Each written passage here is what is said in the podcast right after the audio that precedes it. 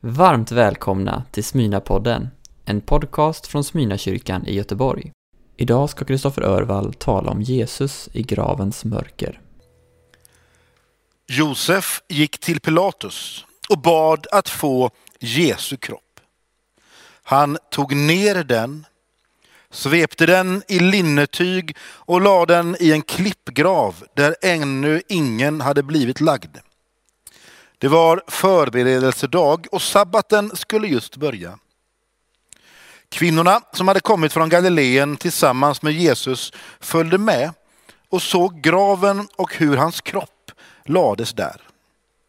När de hade återvänt hem gjorde de i ordning välluktande kryddor och oljor och sabbaten tillbringade de efter lagens bud i stillhet. Jag har alltid tyckt att påskafton är den mest intressanta dagen i hela påsken. Alltså det är dagen mellan långfredagen och påskdagen. Påskafton för de allra, allra flesta, också hemma hos oss, innebär ju att man äter enorma mängder ägg och letar Ja, hur kommer det sig egentligen att man letar efter godis i trädgården som påskharen har lagt där? Det är märkligt. Men egentligen så är den här dagen en oerhört mörk dag. Jag tror att vi får fira, att vi ska fira. Jag tror att humor och glädje är ganska bra vän med frågor, tvivel och mörker. Den här stunden ska vi tillåta oss att bli allvarliga. För den här dagen kräver det. Varför? Jo, för att Jesus är begraven. Jesus är död. De tillbringade den dagen efter lagens bud i stillhet. Vad tänkte de? Egentligen? Vad undrade de? De satt där, lärjungarna, de som hade levt allra närmast Jesus under flera år. Och nu var deras mästare död. Han som skulle bli världens hopp, världens frälsning. Han som skulle komma med ljus till världen. Och så hade han plågats Spikat upp på ett kors. Och jag tror att många där kring tänkte att nu kliver han ner från korset.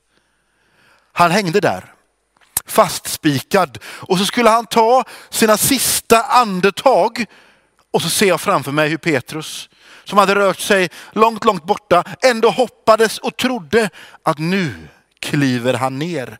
Inte inte kan väl Jesus, Guds egen son, dö? Och nu var han begraven. Fullständigt mörker. Det är död.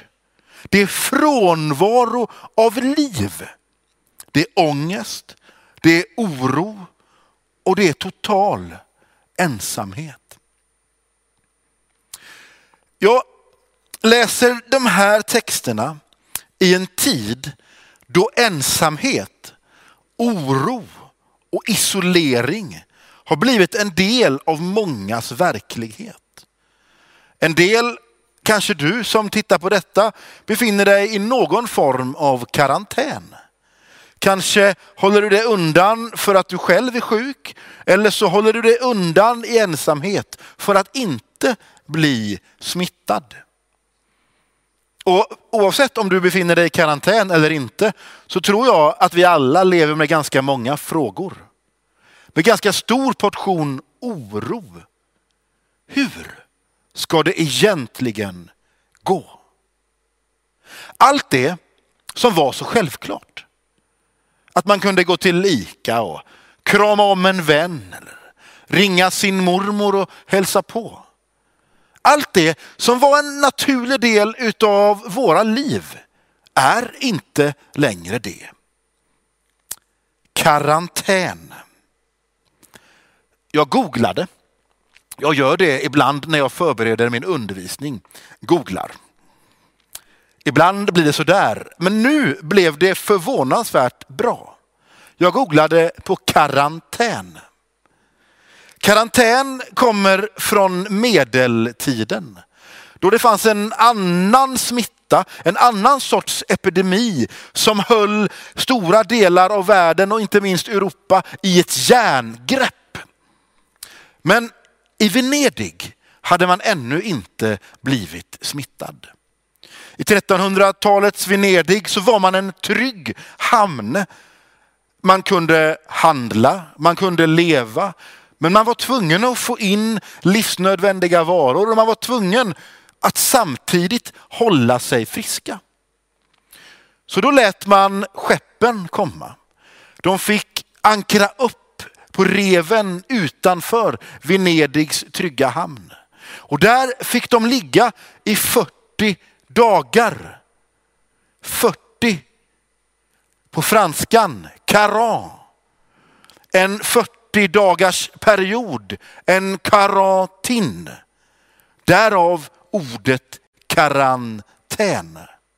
Där fick skeppen ligga i 40 dagars ensamhet, i 40 dagars frågor. Hur ska det egentligen gå?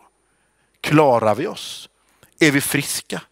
Kommer vi, kommer vi få lägga till i den trygga hamnen? Karantän, karantin, 40 dagars isolering, ensamhet, tomhet, oro. Men det är inte Venedig som var först med 40 dagars perioder. Nej, i Bibeln så förekommer 40 dagar som en period om och om och om igen. Lyssna.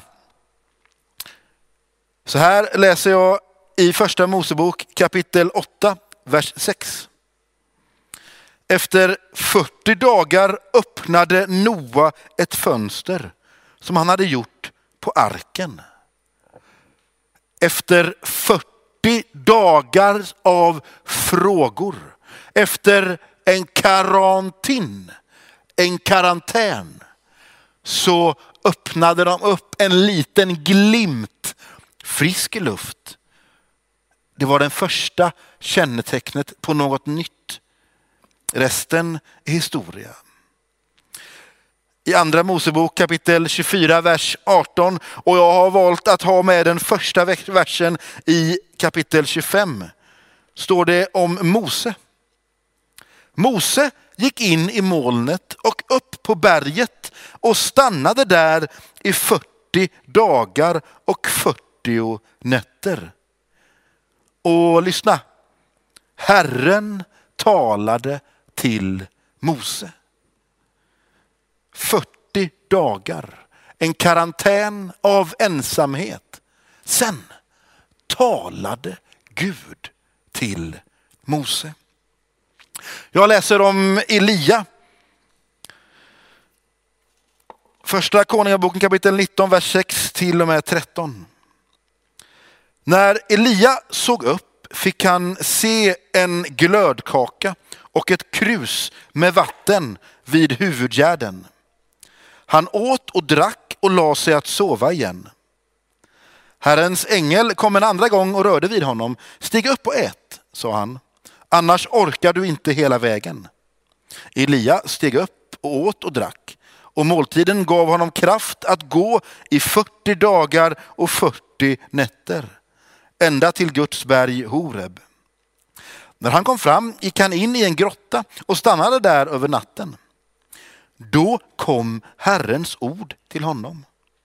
Varför är du här, Elia? Han sa, jag har gjort mitt yttersta för Herren, härskarornas Gud. Israeliterna har övergett ditt förbund, rivit ner dina altare och dödat dina profeter med svärd. Jag är ensam kvar och nu står de efter mitt liv. Herren svarade, gå ut och ställ dig på berget inför Herren. Herren ska gå fram där. En stark storm som klöv berg och krossade klippor gick före Herren. Men Herren var inte i stormen. Efter stormen kom ett jordskalv, men Herren var inte i skalvet. Efter jordskalvet kom eld, men Herren var inte i elden. Efter elden kom ett stilla sus. När Elia hörde det gömde han ansiktet i manteln och gick ut och ställde sig vid ingången till grottan. Då gör en röst som sa, varför är du här, Elia?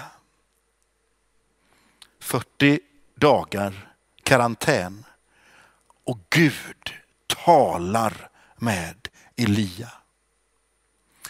Jag tror att Gud kan tala på väldigt många olika sätt. Ibland är det mycket känslor, ibland är det mycket stormar.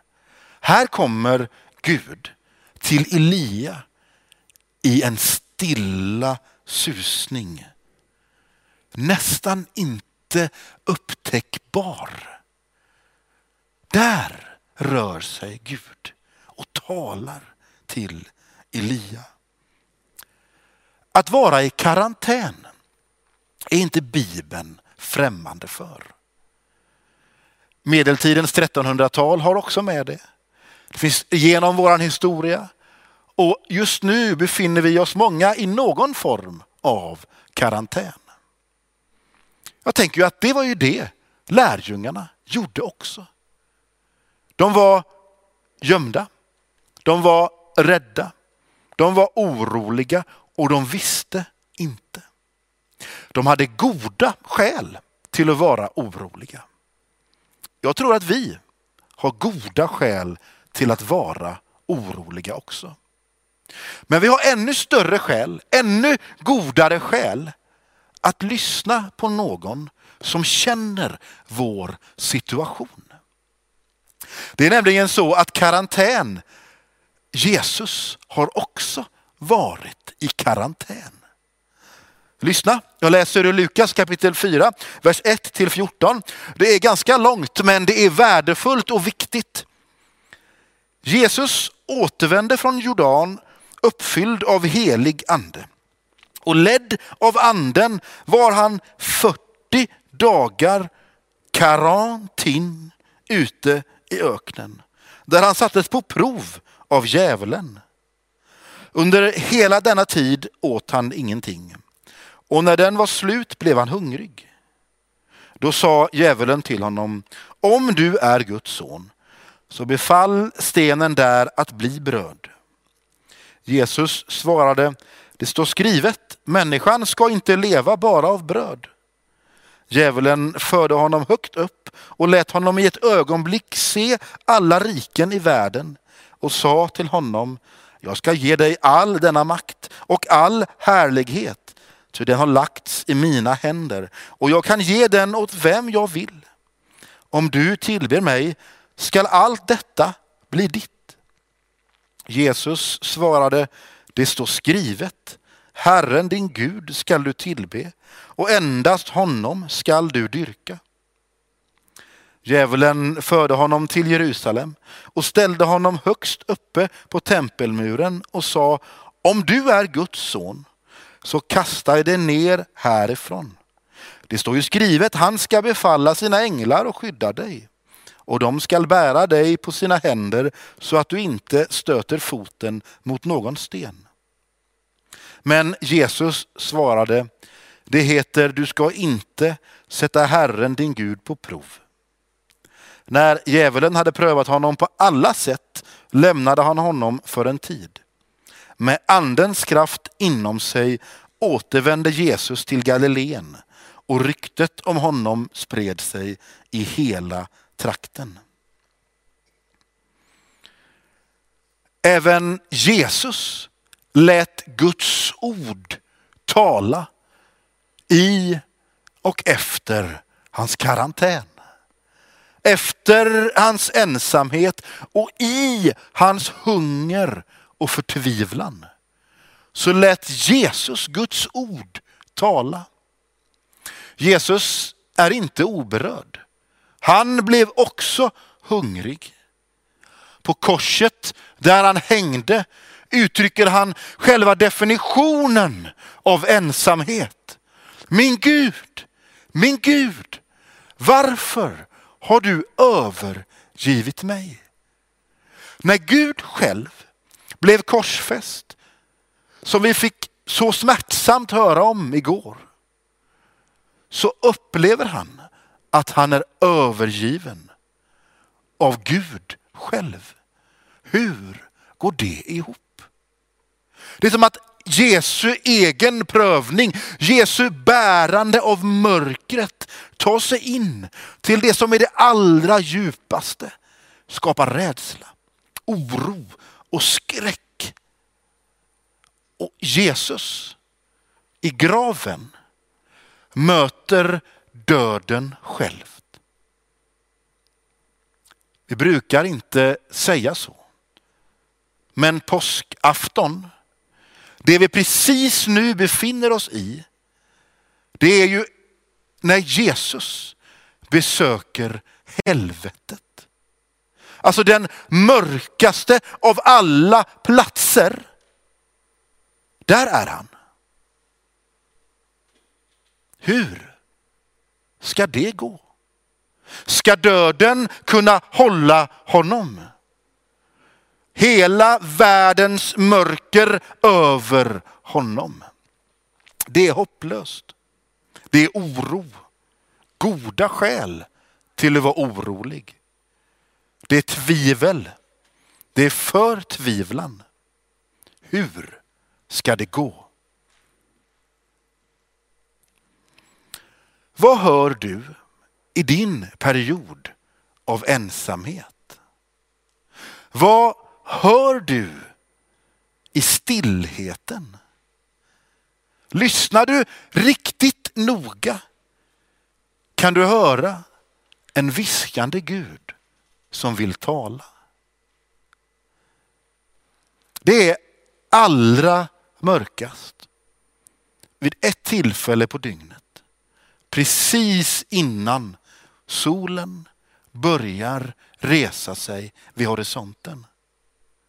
Finns det en horisont på väg? Och var är Gud nu? Ibland känns det förgäves. Ibland hopar sig mörkret alldeles för tydligt och stort. Och det känns förgävet. Lyft blicken mot den mörka horisonten. Våga titta lite till. Våga orka lite till. Ser du att det ljusnar? Det finns en hand att hålla i. Det finns en famn att falla i. Vi ber. Herre, du känner vårt mörker. Du vet vår tid av oro och ensamhet. Den är inte obekant för dig. Den var inte obekant för lärjungarna. Den där påskaftonen för länge, länge sedan. Och nu är vi i den, hela vår värld, som har fler frågor än svar. Herre, hjälp oss att lyfta blicken. Hjälp oss att titta noga. Kanske kommer du i den stilla susningen. Herre, sträck oss en hand. Vi vill hålla i den. Herre, ta oss när vi faller. För ibland faller vi. I Jesu namn. Amen. Du har lyssnat på en predikan från Smyrnakyrkan i Göteborg. Hjärtligt välkommen att lyssna igen eller besöka Smyrnakyrkan. Gud välsigne dig och din vecka.